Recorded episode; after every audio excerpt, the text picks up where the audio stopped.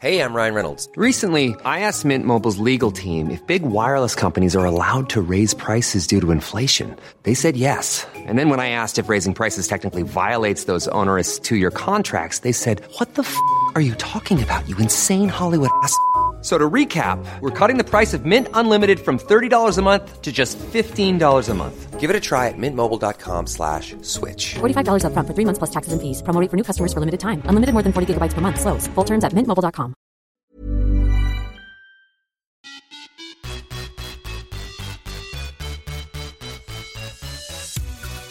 Vi hoppar in i ett nytt avsnitt med full kraft idag Sara. För vi kommer att prata mycket om höstträning och försäsongsträning. Och vi kommer komma in ganska mycket på styrketräning för löpare i det här avsnittet. Vilket kommer bli väldigt intressant. Eh, Jag är bland annat nyfiken på, Sara, det här behöver inte du säga nu, men jag är väldigt nyfiken på vad du till exempel lyfter i marklyft. Det kan vi ta Jaha. sen. Vi tar Det ska bli ett skrytavsnitt. Ja men så här på riktigt nu. Det har jag tänkt på så mycket. Men alltså du, jag har sagt det förut. Alltså du är typ den visuellt starkaste kvinnan jag har sett någonsin. Det är du Oj. och det är Elin Kjos, säger man så? Ja. Ja. Och, vet, och vi tränar ganska likt. Framförallt tror jag så här om man skulle tänka försäsong. Ja. Hon tränar ju inte sprint. Nej. Men eh, vi, vi, vi brukar säga att vi lyfter och äter likadant. Alltså det är, det är helt galet. Och då är svaret, mycket, svaret är då mycket av både och. Ja, det blir intressant. Vi kommer in på det mer sen framöver i det här avsnittet tänker jag. Eh, men Ja, först vill jag bara höra lite så här, hur, hur är läget med dig? Det är bra.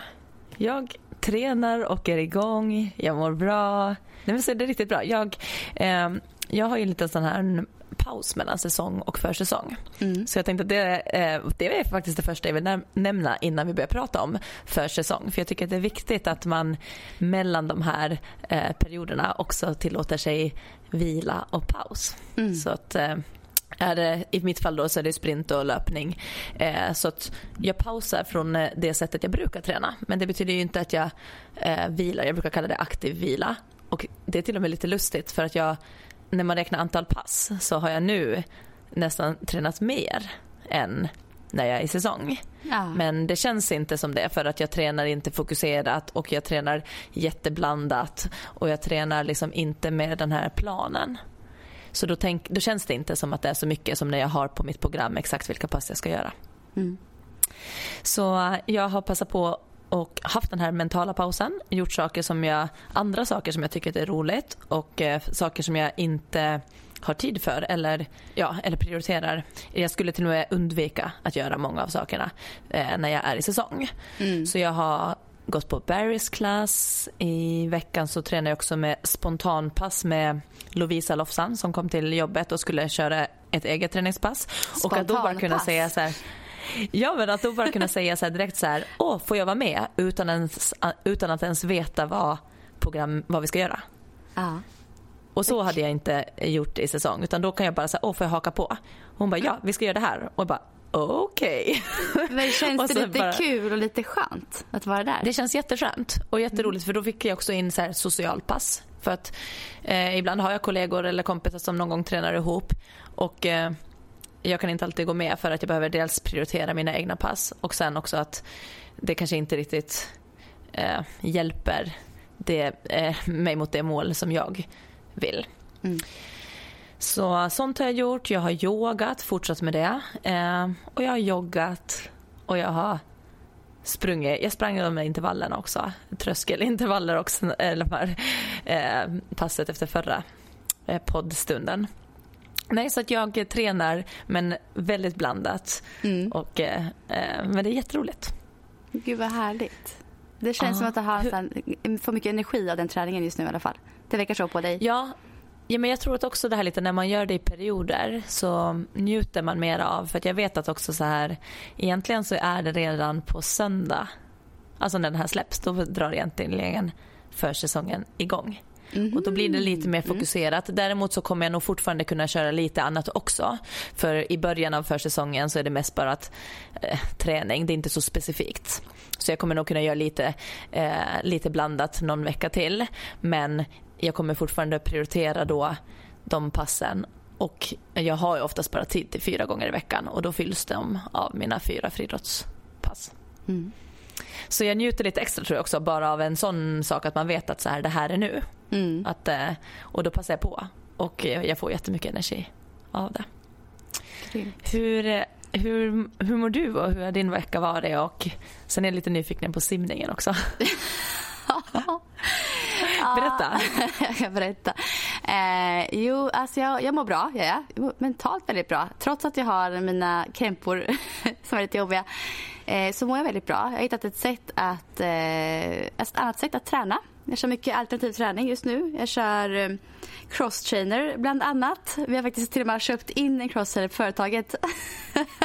Ja. den står på ett kontor nu. Så jag har kört ett långpass än så länge på två timmar och sen några entimmars pass på det där crosstrainern. Jättekul. Va? Eller inte. Har du kört två timmar på cross-trainer? Ja. Åh herregud. Det Alltså, skulle det kunna här- gå in som mental träning tycker jag. Ja, men, eller hur. Men det här är ju för att jag har New York Marathon som jag fortfarande så hoppas på att jag ska kunna springa om fem och en halv vecka. Eh, så jag byter ut mina löppass nu mot eh, crosstrainer-pass kan man nästan säga. I alla fall nyckelpassen. Eh, ja, eh, och, eh, men annars så har jag ju som du sa alldeles nyss här, jag har ju börjat simma. alltså, ja, jag har kört två stycken eh, såna pass med instruktör och vi är en grupp, stor grupp på typ 20 personer som har två instruktörer har vi. Eh, en gång i veckan och två pass har vi nu gjort och det tredje ska jag göra ikväll. Och jag är lika nervös ikväll som jag var förra och förra veckan kan jag säga. Men gud, Ehm, kan du berätta, ta tillbaka till det så här första gången när du Ja. inte riktigt visste vad som väntade. Och som, om det är någon som har missat det så är ju simning din stora så här, fobi eller skräck. Ja. Eh, så berätta, liksom, hur gick tankarna, känslorna när du skulle göra någonting som verkligen är obehagligt och hur kändes det under passet? Alltså jag, jag var ju så otroligt alltså, nervös inför första passet. Jag var så nervös. Jag gick en vecka och tänkte på det här passet hela tiden. Eh, och så gick jag köpte baddräkt, köpte simmössa och simglasögon. Du vet så här, bara, ha. In där i, sim, eh, i simhallen, eh, mötte upp alla andra som satt där och väntade också, som också var lika nervösa känns det som. Alla var verkligen jättenervösa inför det här passet. Alltså, och jag, jag har sagt det tidigare att jag, har, jag är väldigt rädd för att ha vattnet under huvudet. Det är väl det det handlar om egentligen om. För att jag hade en grej när jag var liten så höll jag på att drunkna eh, och jag har ju fortfarande eh, som sagt fobi nästan för att doppa huvudet under vattnet egentligen. Som jag mer och mer nu verkligen alltså kommer över och hanterar. Eh, och bara den grejen var ju väldigt stor för mig. Första passet skulle vi liksom ner och träna på andningen. Bara hålla händerna mot kanten och eh, spratta med fötterna och samtidigt bara ner med huvudet under vattnet. Liksom. Eh, och bara det för mig var ju jättejobbigt att ta mig förbi. Men jag bara bestämde mig att nu, nu kör jag. Nu kör vi. Liksom. Eh, och så gjorde jag det precis som alla andra. Jag kanske höll på att ta upp huvudet oftare än de andra eh, kände jag väl. För jag sa till instruktören jag får lite panik och hon sa men ta det lugnt då. Liksom, sådär. Så lite panikkänslor. Eh, absolut, första lektionen var det. Um, och det var mycket träning på benpendling då. Benspark kanske man säger. Men den här lektionen som var förra veckan så var det, då skulle vi börja testa kråla på riktigt liksom. Uh, och jag var inte alls beredd på det. Eh, men jag, jag mig in på det och försökte direkt. Men jag fick ju kallsupar och uppåt med huvudet och simma liksom bröstsim. Ner igen, försöka komma position, simma några armtag, liksom crawl. Upp igen, en kallsup till. Du vet så. Jag höll på så hela tiden. Men jag gav mig liksom inte. Och jag sa till henne, jag får lite panik och berättade för henne liksom hur situationen är. Hon sa, du ta bara lugnt, jag finns här, gå upp om det blir jobbigt. Du vet så här. Det är bara att köra på sin nivå. Men man blir lite, jag blev lite stressad när jag simmade väldigt snabbt och forcerat. Kände jag. Ja. Eh, så inför den här lektionen idag så tänker jag liksom att det här med bara att ta det lugnt, andas upp om man, om man får panik direkt bara. Simma några bröstsimtag, ner igen och inte så här Ja, få bort den här stressen. Men för mig är det ju, jag känner när jag pratar om det nu, så blir så här, jag får ju typ upp pulsen nu när jag tänker på det. För att Ja. det är en jäkla stor utmaning för mig alltså. Eh, vilket jag tror kanske folk kan ha svårt att förstå som har lätt för det här liksom att, eh, att simma och så. Men för mig är det jättemotstånd inombords. Men det är fortfarande väldigt kul. Och jag längtar ändå till passet ikväll. Vad kul. Ja, så att vi får se hur det utvecklas. Men jag har ju som mitt mål att jag ska kunna köra någon swimrun nästa sommar. Så jag, jag kommer ligga i och jag kommer försöka köra efter de här veckorna också eh, själv. Så ser det ut där. Men det är modigt av dig. Ja. Jag tror att även om man inte är rädd för vatten så tror jag man har någon form av sån här, plan, en sån här känsla på någonting. Det kan vara att stå och prata inför folk eller göra någonting annat som skrämmer en. Och då tänker Mm. jag liksom, det är ganska starkt av dig att ändå så här, göra det varje vecka nu. Men därför också tror jag, i och med att du gör det kontinuerligt så tror jag att det där kommer att... Jag hoppas det. Jag hoppas verkligen det. Ja, men det ska bli kul att se hur det utvecklas eh, framöver. Eh, nej, men det, jag kör crosstrainer och simningen här då. Eh, jag kör eh, även lite styrketräning.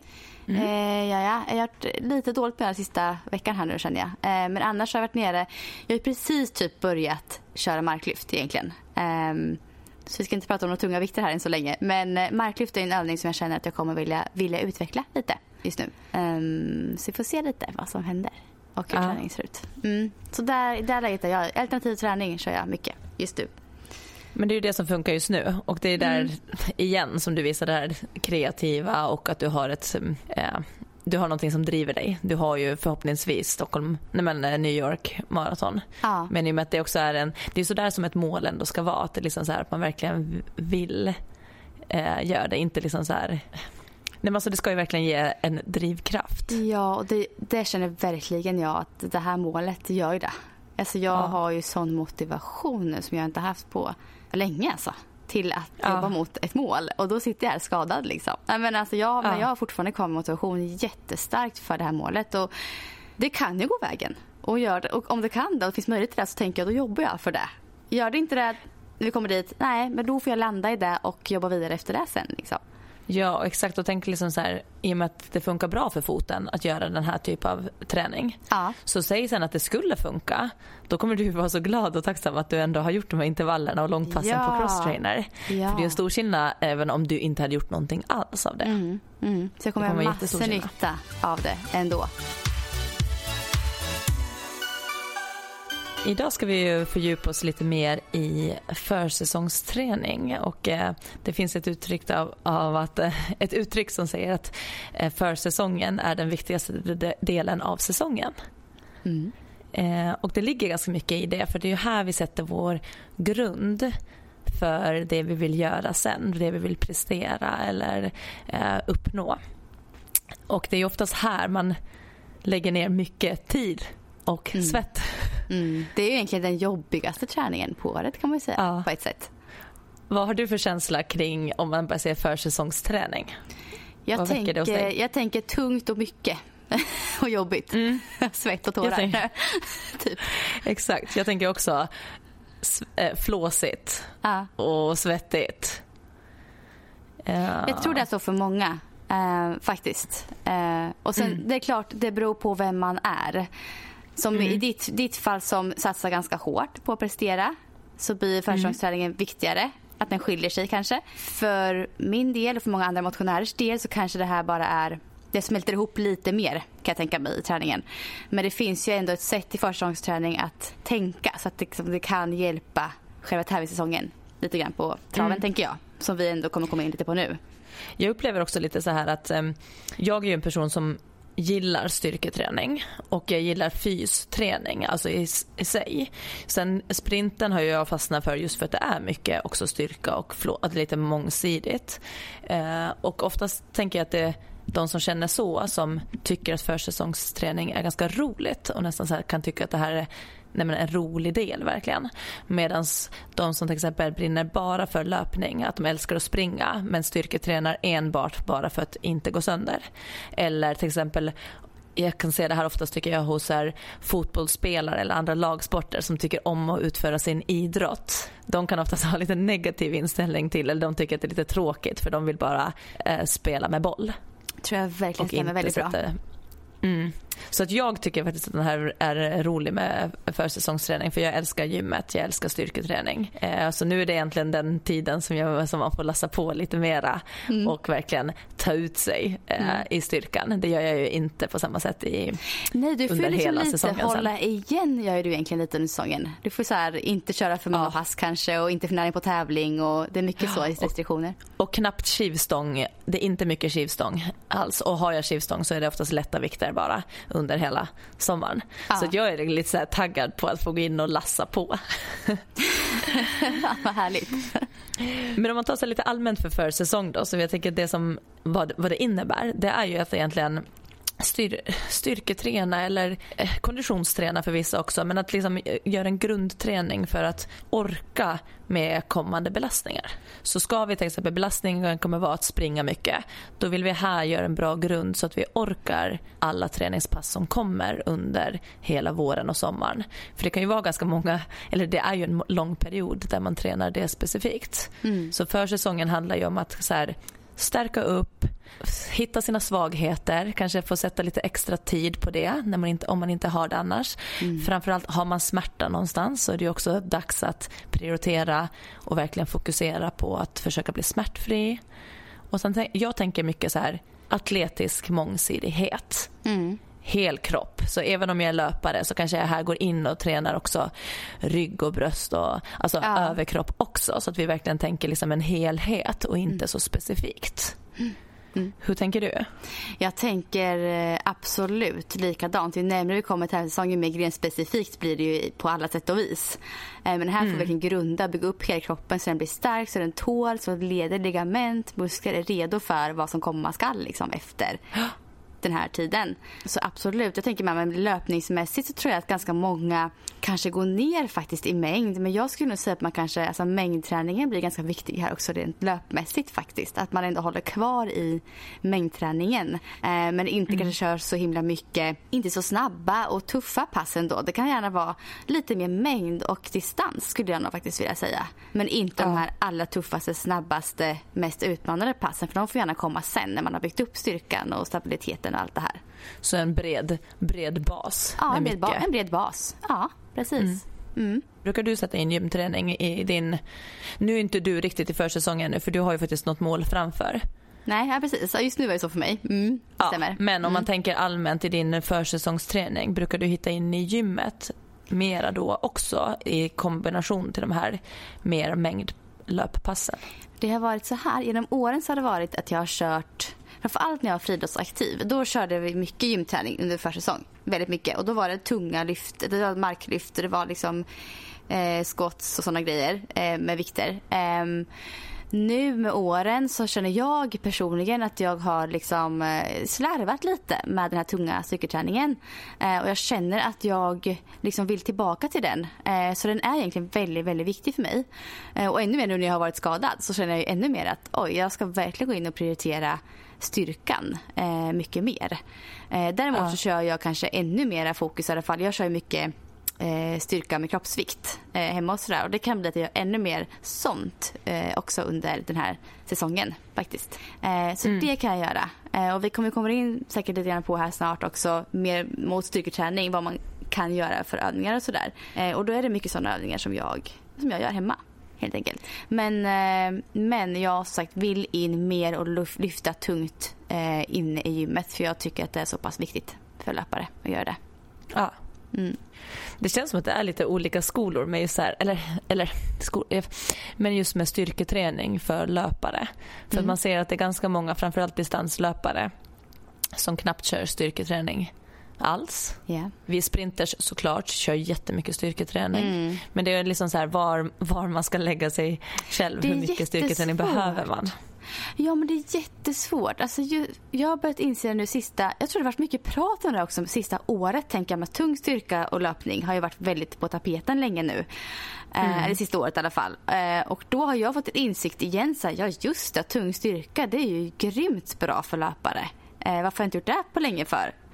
Ja. Men just när jag var friidrottsaktiv och körde mer explosiv träning då ingick det naturligt i träningen. Mm. När jag gick över till långdistans så slarvade jag lite mer och mer, la bort lite mer och mer, körde mer kroppsvikt för att det var enkelt också att få in i träningen kanske.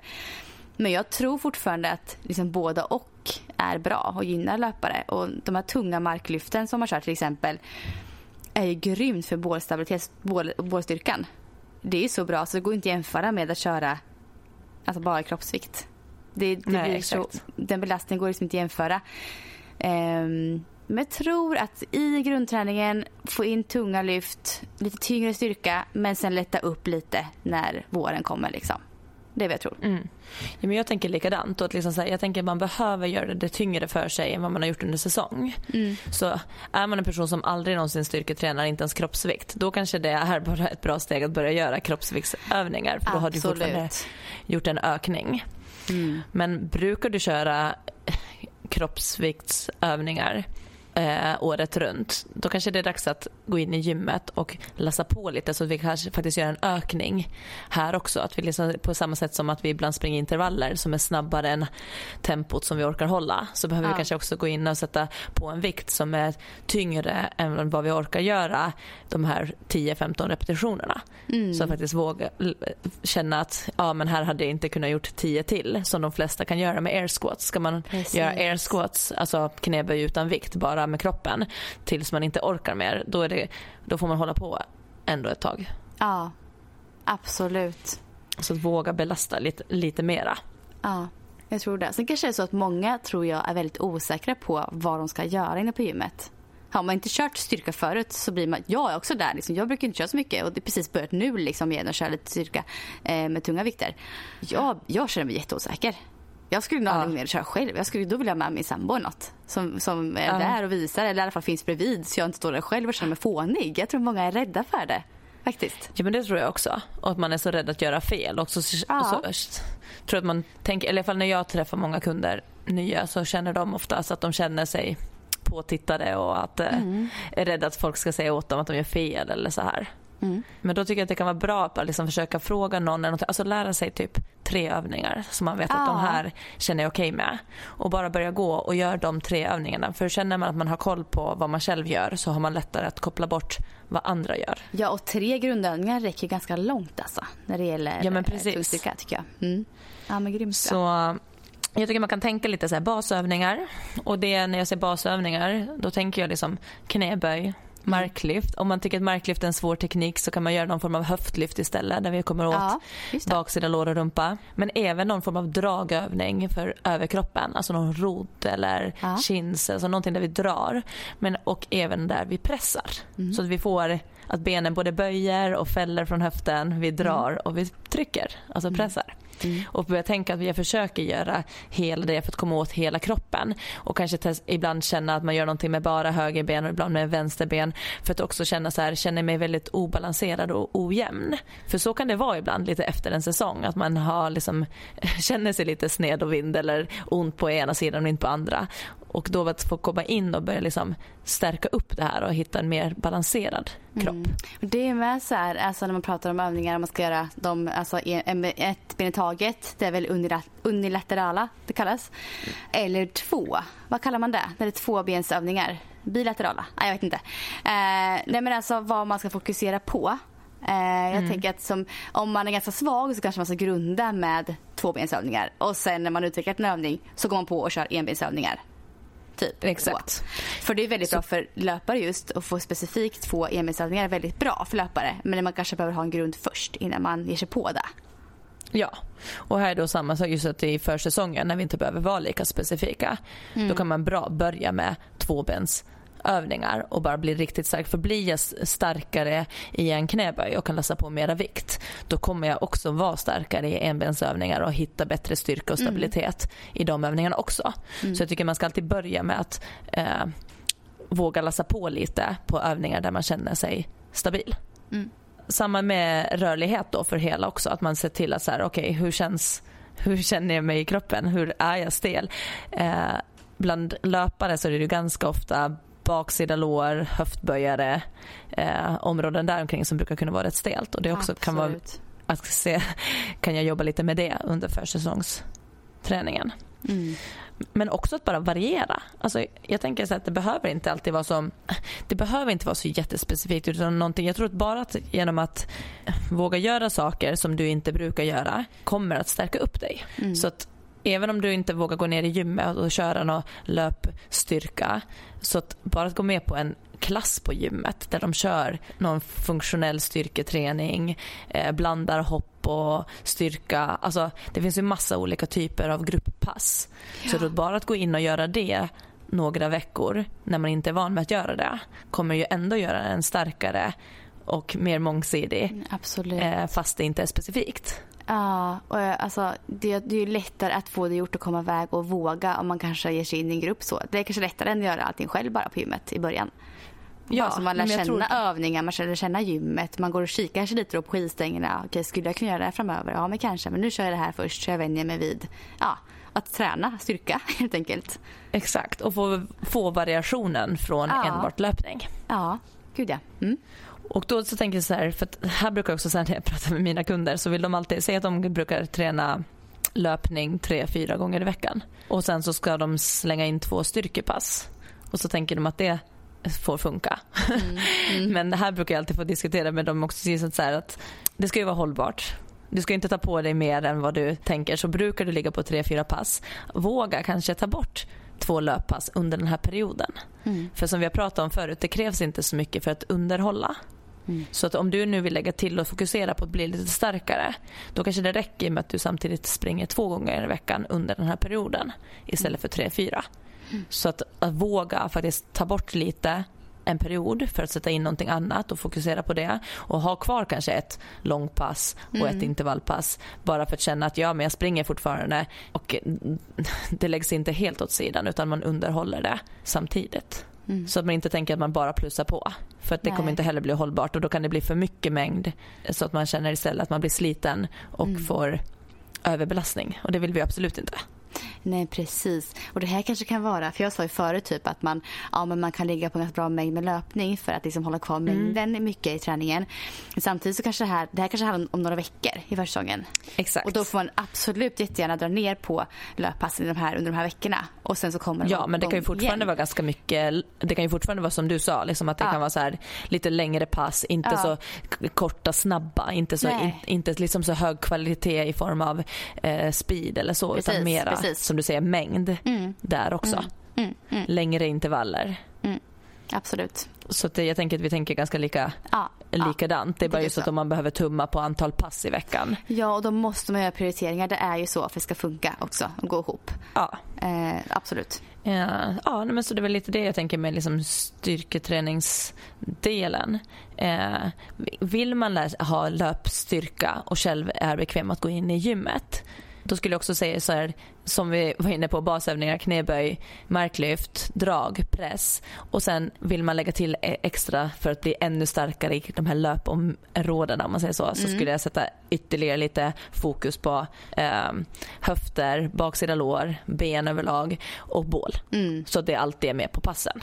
Så att man sätter lite extra fokus och här kanske också då med mer belastning än vad man brukar göra i säsongen om man mer då kör kroppsstyrka. Ja. Så att kunna köra lite baksida lår i någon maskin eller bålövningar med lite extra vikter och sånt. Mm, mm. Jag gillar den här, alltså en av mina favoritövningar är draken. Mm. Ja, men, och det kan man köra med kettlebells. Ganska tunga så Ja. liksom, om man får in den övningen bra. Den är ju så himla bra för, ja, men för ben, för bål, eh, fotleder, balansen. Ja, för mycket liksom. Mm. Den tycker jag är grym att få in. Så man behöver egentligen inte göra det så komplicerat. Nej, nej.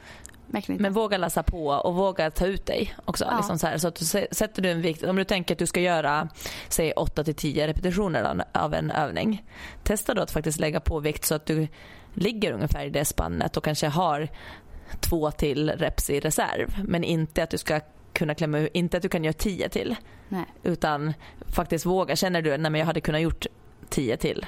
Lägg på mera vikt så att du faktiskt känner hur det känns att göra en 8 till 10 reps. Sen om du tycker om att göra många reps eller få reps, det spelar egentligen inte så större roll eller så, så stor roll så länge du ändå tar ut dig. nej, precis. Så kör du 4 till 6 reps då kommer du ju, det kommer ju gå snabbare innan att du blir trött. För då har du bara att, då skulle du kanske max kunna göra 8. Medan om du väljer att göra 15 då kanske det tar lite längre tid in- innan du hittar att den rätta vikten för att verkligen hamna det på 15. där är ju jättesvårt. Det där är bra att prata om det här nu. För att det här är så många tror jag som inte vet alls vilken vikt ska jag ens börja testa. Det är Ja. jättesvårt att veta. Alltså har man så här, några generella riktlinjer, säger så här, till exempel marklyft. Alltså vad ska man tänka generellt som, som riktlinjer där? Om jag mm, utgår från sin vikt då liksom. Hur ska man börja på sin vikt? Ska man börja mycket högre än så? Ska man, alltså hur ska man kunna hitta sin nivå? Det, det är jättesvårt att bara säga så här med att man, det, just marklyft är så mycket teknik också om man vill ha en bra Ja. teknik. Men vet, har man en övning där man vet att så här, nej, men den här känns att jag vet hur jag gör den, jag får inte ont eller någonting, jag kan hålla en bra bålaktivering. Ja. Så skulle jag ändå kanske börja testa, börja någonstans där men 8 till 10 repetitioner och då, då kan du egentligen börja på vilken vikt som helst som du tror att här ungefär tror att jag orkar. Och så gör du så att klarar du 12 då ökar du. Mm. Så strunta, ta en vikt. Kan du göra 12 stycken på det, då ökar du. Kan du göra 12 stycken på det, då ökar du. För att se. Och ibland har jag gjort det här med tester med kunder för de har själv haft så här eh, att jag har sagt så här, eh, du ska göra 6 till 8 repetitioner. Och sen har de fyllt i då vad de haft för vikt. Och så har de känt att ja, men det här var bra. Och sen så när jag testar med dem så brukar jag sätta på den vikt de har haft. Och så säger så här, nu gör du så många repetitioner du kan. Och då hamnar ju folk på 15. Och Ja. om man ska göra 6 till 8 repetitioner men kan göra 15, då är ju inte det riktigt det syfte jag ville komma åt. För då hade jag skrivit 15 reps och vetat att det är en lättare vikt. Så lite så tänker jag, så att om du är osäker, ta en vikt och kolla hur många gånger kan du lyfta den. Ja. Med fortfarande fin teknik. Ja, det så det ska där, inte va? vara att du liksom börjar grisa upp den. Utan kolla hur många du kan. Är det fler än vad du hade tänkt inom det spannet? Mm. Jag brukar ofta ha ett spann på typ så här 8 till 12 så det är ganska stort spann. Mm. Och då märker jag också att alla, alla vill nästan alltid göra 12 för de tänker att 12 är bättre Mm. än 8. Men det jag gör då är ju att jag vill ju hellre putta ner dem mot 8. Ja. Men däremot hamnar de under att de inte orkar göra 8. Då sänker jag lite igen så att de hamnar där mellan 8 och 12. Mm. Så så brukar jag tänka lite med vikt. Att, att eh, utgå liksom från din känsla och att du känner att ja, men ungefär två snygga reps till hade gått men där hade det varit ganska klart. Om du ska göra, säg att du ska göra tre, fyra set av den. Så då behöver du ändå kunna ha några på, på reserv som skulle ha sett snyggt ut för att hålla bra teknik genom alla. Våga ta i helt enkelt Ja. när du styrketränar Ja. för att bli starkare. Men du sa ju att du har fått eh, ett schema, ett program av din tränare, eller hur? Eh, Inför säsongen här nu. Och eh, lite nyfiken på hur din styrketräning kommer att se ut nu närmsta tiden. Ja, vi, jag börjar nästa vecka med styrkeprogrammen. Och jag kommer ha nog eh, två pass i veckan, tror jag att det är. Och eh, lite som vi var inne på, det är liksom back to basic. Vi vill jobba mångsidigt, vi vill jobba stora rörelser, inte lika specifikt så som vi kommer när vi kommer närma säsongen. Så på mitt, om jag tar övningar som är på mitt eh, styrkeprogram nu så kommer det vara djupa knäböj för att jobba liksom hela vägen ner med bra positioner. Eh, jag gör mycket höftlyft. Vi gör faktiskt mer höftlyft. Det är alltså när man ligger, jag gör ofta den med, att jag ligger med skulderbladen på en bänk och så har jag en skivstång över höften och kroppen är liksom ner från bänken. Och så trycker jag upp i ett höftlyft med skivstången då över. Så vi gör mycket den för att den kommer åt väldigt bra baksida lår och rumpa. Eh, och i och med att vi kör rätt tunga vikter så gör vi faktiskt den mer än vad vi gör marklyft. För att spara lite på rygg och sånt i och med att vi gör tunga knäböj och sånt också. Sen är det mycket utfallssteg, eh, raka marklyft och eh, excentrisk baksida brukar jag kalla alltså det. är Typ finnen, alltså när man ska bromsa och hålla emot med Ja. baksida lår. Man kan göra det i en sån här eh, lower curl maskin på gymmet, så när man ska Ja. böja benet och, sen, och då gör vi mycket att vi vill gärna överbelasta den. Så typ finnen är ett sånt sätt att, att överbelasta för det är inte så många som orkar ta sig upp i finnen. Ni vet det. finnen, det är den när man står på knä. Man har fötterna in under en ribbstol eller så sitter en kompis bak på fötterna. Och så ska man Ja. långsamt luta sig eh, framåt. Den kallas även Nordic hamstring. Den är jobbig Eh, alltså. så, ja, och den är en sån övning som folk känner nog igen att man kan bromsa och hålla emot lite på vägen ner men man kan inte ta sig upp. Utan då måste man ha hjälp av händerna eller någonting. Och det blir en sån överbelastad excentrisk att vi orkar hålla emot men vi orkar inte göra den koncentriska fasen. Så därför har vi liksom på så sätt överbelastat. Vi använder en vikt som är tyngre än vad vi orkar hålla emot. Och det brukar jag även göra som liggande eh, i de här lower curl maskinerna när man går från rakt ben och så ska man eh, dra bak så att knä böj, blir böjt med baksida lår. Och där brukar jag, för att överbelasta där, så brukar jag använda båda fötterna för att dra upp vikten. Och sen släpper jag ena benet så att jag har bara ett ben som håller emot på vägen ner. Men då har jag ju så tung vikt så att jag inte orkar dra upp den med ett ben. Precis. Att jag måste ha båda benen för att komma upp Mm, och sen bromsa. Så sånt gör vi och sen en del boxhopp. Så vi har fortfarande kvar lite hopp men det är mer så här eh, fyra, fem stycken hopp upp på en hög låda. Inte så mycket plyometrisk, alltså inte det här flera hopp i rad som häckar och sånt. Den kommer lite senare fram. Mm. Så de övningarna kom, eh, kommer jag göra mycket av, eh, två gånger i veckan. Och eh, så här gör vi så att vi börjar på, för mig då, lite högre reps. Det är det här jag tycker, eh, eh, långdistansare kör ju oftast, säger jag att 6 till 10 reps så känns inte det så mycket. Men för mig som är sprinter så är 6 till 10 reps ganska mycket, många repetitioner. Så vi börjar liksom med det och det är lite för att komma tillbaka till att en grundstyrka, att orka eh, jobba på, bygga upp kroppen så att den sen klarar högre belastning för de få repsen med ännu mera vikt. Så man kan säga att vi liksom backar bandet lite och börjar göra snygga fina repetitioner hela vägen ner för att bli stark genom hela läget. Så vi kommer jobba typ 6 till 10 repetitioner nu i början och fem varv. Så att för mig, jag tycker att det här är jättemycket. Det är liksom upp mot 50 reps i men Det är knäböj. mycket. Ja. Mm. Ja, och det är mycket i och med att jag också vet var mina de här vikterna är där jag vet att jag inte klarar så mycket till. Mm. Så jag eh, tjuvtestade lite förra veckan bara för att se Ja. ungefär lite vad jag skulle ligga på. Och då gjorde jag 5 gånger 8 på 70-75 kilo djupa Ja. knäböj. Ja. Jäklar. Och då känner Men jag vad, liksom Vad är ditt max på djupa knäböj och vad är ditt max på marklyft? Vill du säga det? Dela med dig. Ja, marklyft har jag inte gjort på jättelänge. Eh, I och med att det inte har varit med på programmet. Nej, men jag har. Mm. ja, exakt, men jag har tagit 145 Åh herregud. Ja. i marklyft. och i knäböj så har jag tagit 100, 117,5. Ah, fy tusan. Ja, det är jäkligt mycket alltså. Ja. Så, ja men det är ganska mycket. Men då märker man ju fortfarande om jag tar 70-75 på knäböj. Mm. så var ju det fortfarande inte, det var inte så mycket för mig. Men det där också, det känner jag så här, det är inte vikten som är problemet för mig. Det är ju antal reps. För min kropp. Mm. är inte van med att jobba många reps. Så det är det här, det här med svett, blod, svett och tårar i försäsongen. Att jag vet att den här träningen kommer att göra ont för mig. För jag vet att Mm. jag orkar ju vikten. Men när jag börjar komma till fem reps, då börjar jag göra typ Alltså känna av träningsverken smyga sig på nästan under tiden jag kör. Ja. Och att då få ut de här sista fem till när det redan börjar vara tungt. Där har jag ju min utmaning. Mm. Och det betyder ju inte att det blir lättare utan det betyder ju att då har jag ju tyngre vikt än vad jag har kunnat ha på fem gånger åtta. Mm. Så att jag, mitt mål är att öka vikten för varje vecka. Öka belastningen eh, och komma mer mot de här max eh, prestationerna igen där man tar i allt vad man kan på få repetitioner. Men jag behöver göra de här djupa fina med lite mer mängd för att komma in i teknik, fin rörelse och stärka upp allting. Eh, För att jag kan inte bara gå in och kö- köra en tung etta när jag inte har gjort det på ett tag. Och jag har ju inte gjort det här sedan innan tävlingssäsongen. Så det är ju, det är ju många månader sedan. Mm. Så så ser den ut och sen efter några veckor då blir den det här som vi pratade om att den kommer bli mer och mer specifik. Så nu räknar vi med att tävlingssäsongen som vi kör den här försäsongen inför eh, den är ju vinter och då brukar de flesta tävlingarna ligga i typ i januari, februari. Så att vi har ju hösten på oss att förbereda oss till det. Mm. Sen, börjar vi, sen börjar en ny försäsong i mars som går inför Sommar, sommarens. eller vår, sommar liksom. Exakt. Så vi delar, jag delar upp eh, det som i två olika säsonger och då blir det som två helt olika cykler med försäsong och allt. Mm.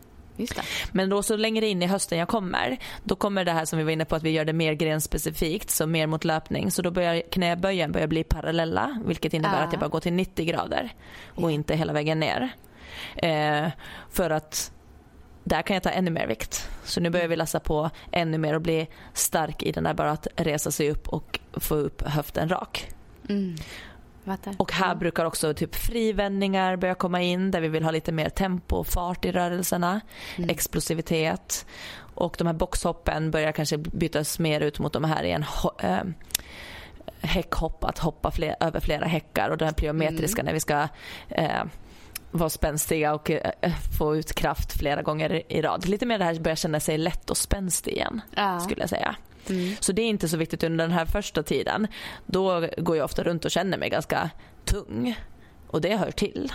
Ja. För det är svårt att många blir så rädda av att tappa en känsla, tappa en bra kondition, spänstighet eller någonting. Men man behöver kanske periodisera det lite för att bli bättre på plan. Mm. Så att, att, gå runt och känna sig tung i några veckor och en dålig flås, det behöver inte vara så farligt. För att sen kommer ju de bitarna. Så sen går vi in mot frivändningar, häckhopp, parallella och sen ännu senare in i höst då, då är jag ner på två, tre repetitioner av varje mm. övning. Och nu kan knäböjen till och med vara grunda, som vi kallar Alltså jag går inte ens ner till 90 grader. För när vi kollar i ett löpsteg, eller för mig när jag är som djupast i min höft, det är när jag går upp i startblocken. Och det är fortfarande inte, det är inte lika djupt ner som i en parallell knäböj, utan jag är högre upp än så i min höftled om man kollar på vinkeln. Och det är där jag vill bli stark mm. i löpningen. Jag vill kunna trycka mig ut ur blocken och eh, springa snabbt.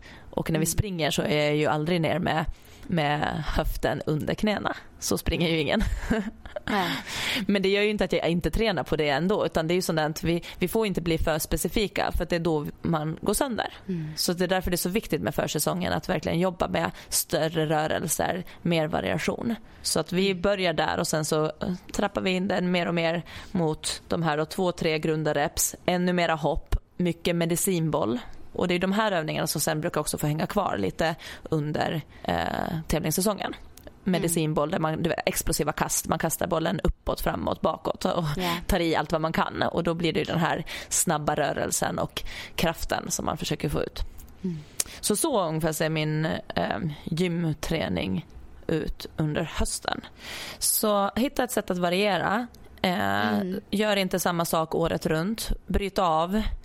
Tänk mångsidighet, tänk dina mm. svaga länkar eh, och ge dig tid till, till att bli ditt bästa och starkaste jag mm. eh, nu så att du håller och kan prestera lite bättre nästa. För det är ju, ju starkare, snabbare, bättre, uthålligare vi blir så ju bättre kommer vi prestera. Men vi kan inte göra allt på samma gång. Nej, exakt. Så grunda bra nu i höst. Ja. Se till att bli stark och stabil så mm. kommer nog nästa tävlingssäsong bli väldigt bra. Mm. Ja, jag hoppas på det. yes.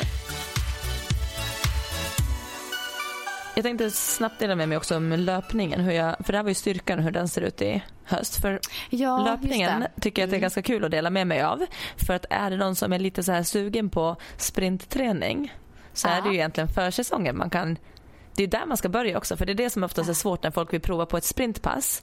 Så jag vet att skaderisken för att bara sprinta direkt den är alldeles för hög. Mm. För det är det jag skulle ju, skulle jag gå och sprinta nu efter ja, det här uppehållet. Ja. Jag, hade, alltså jag hade också skadat mig.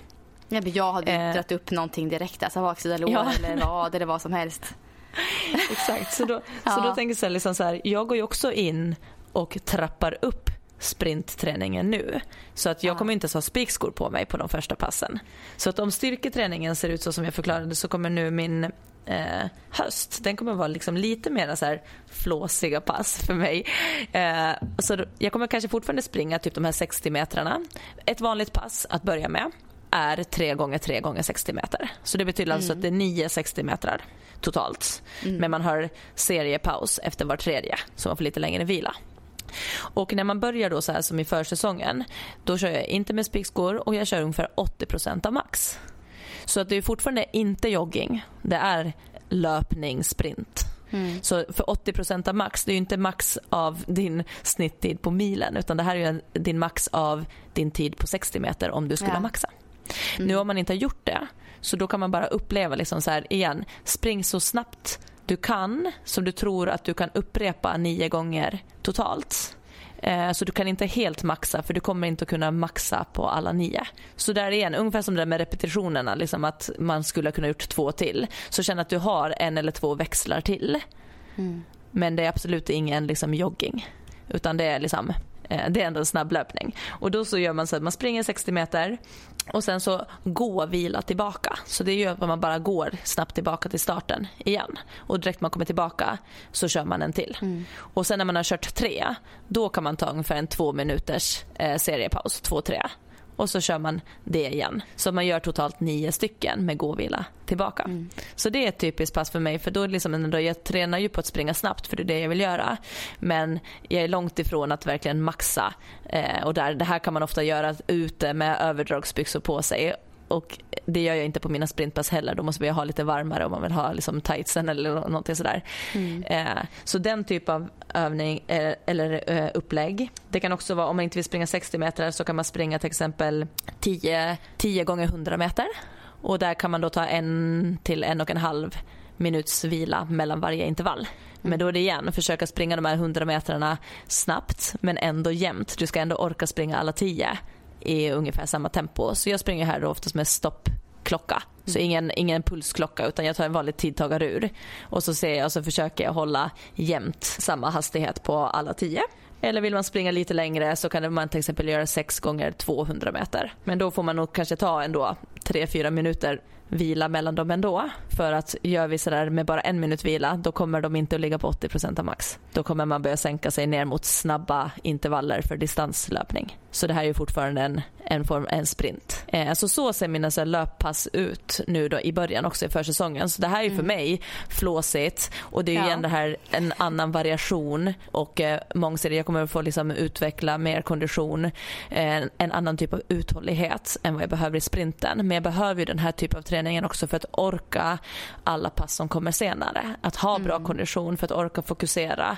Och det här brukar kunna vara sådana som för mig är lite det här mjölk, alltså mycket mjölksyra och eh, mm att jag kan må ganska dåligt under själva passet ja. men lite härligt efteråt ändå. Ah. Eh, för att, och, och, känna sig att så här, ah, men jag kommer bli stark av att bli bättre på det här.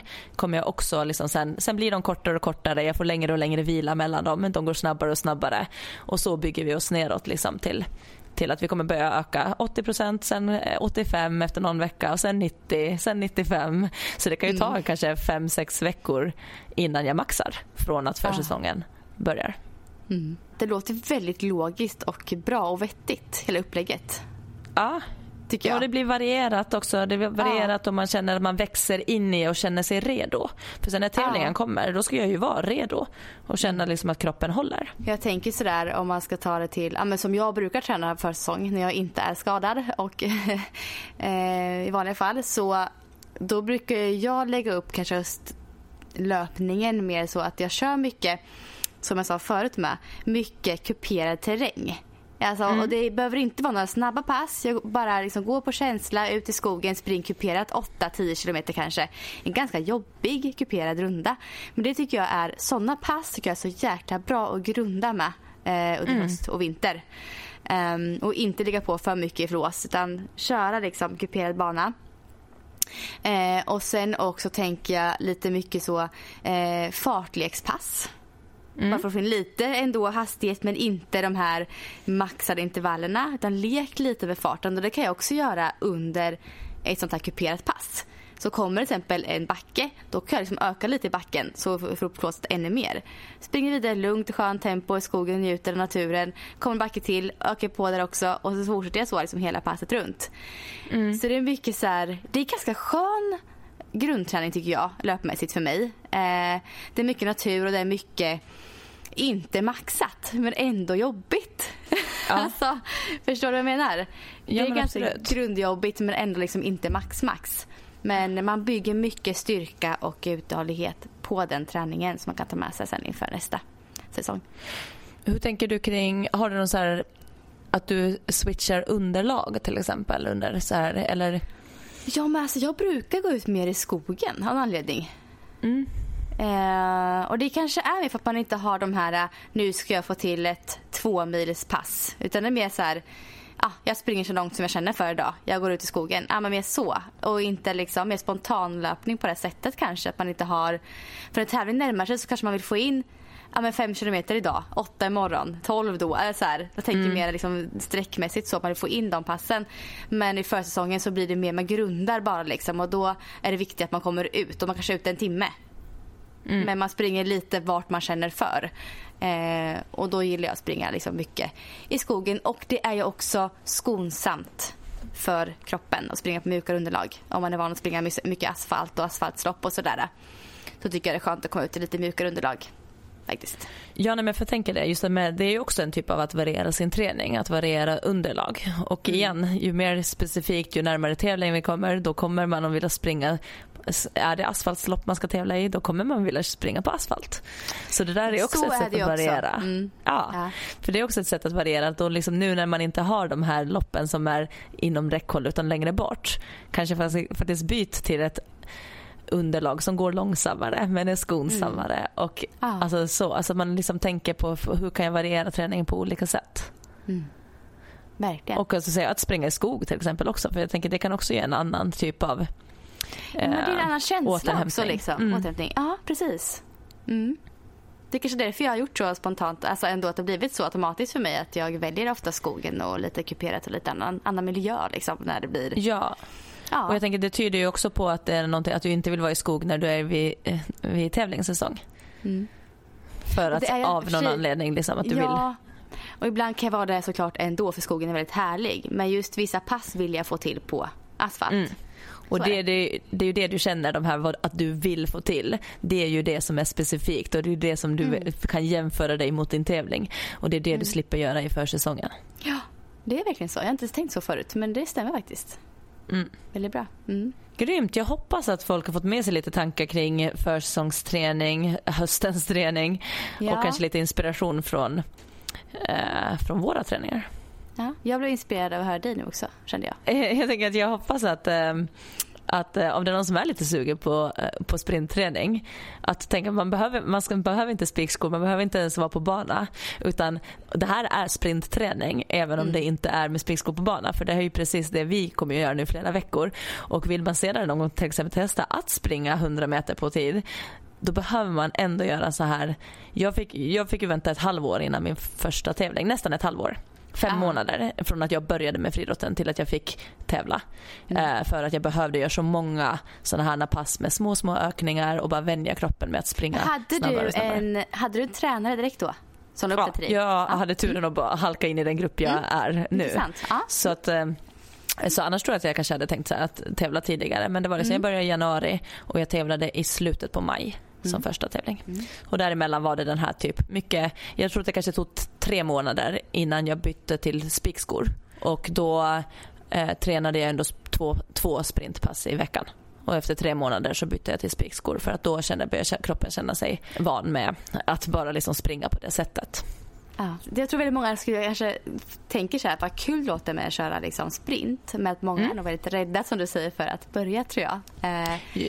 och det är samma lite med så här styrke, tung styrka. Tror jag är samma sak. Så här, jag känner likadant så här, att man är lite rädd för att gå ner i gymmet och lyf, försöka lyfta tungt. Liksom börja, börja där. Det är väldigt kul om man lyckas överkomma sådana liksom, rädslor och faktiskt vågar testa. Ja, och haka på någon som du kanske vet att eh, kanske kan lite mera. Haka på Mm, den till precis. gymmet. Eller, jag vet, friidrott också. Alltså, man brukar få vara med på barn och ungdomsträningar också där på Mm. kanten liksom, om man frågar. Så kanske man får vara med och bara få lite löpskolning och lite intervaller och sådant. Ja.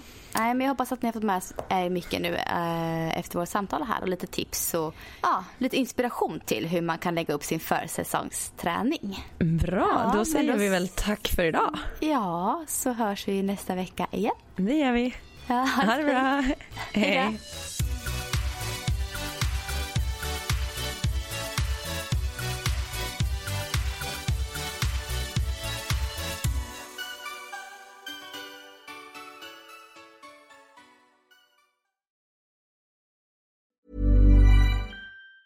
Ever catch yourself eating the same flavorless dinner three days in a row? Dreaming of something better? Well, HelloFresh is your guilt-free dream come true, baby. It's me, Kiki Palmer. Let's wake up those taste buds with hot, juicy pecan-crusted chicken or garlic butter shrimp scampi. Mm. Hello Fresh. Stop dreaming of all the delicious possibilities and dig in at HelloFresh.com. Let's get this dinner party started.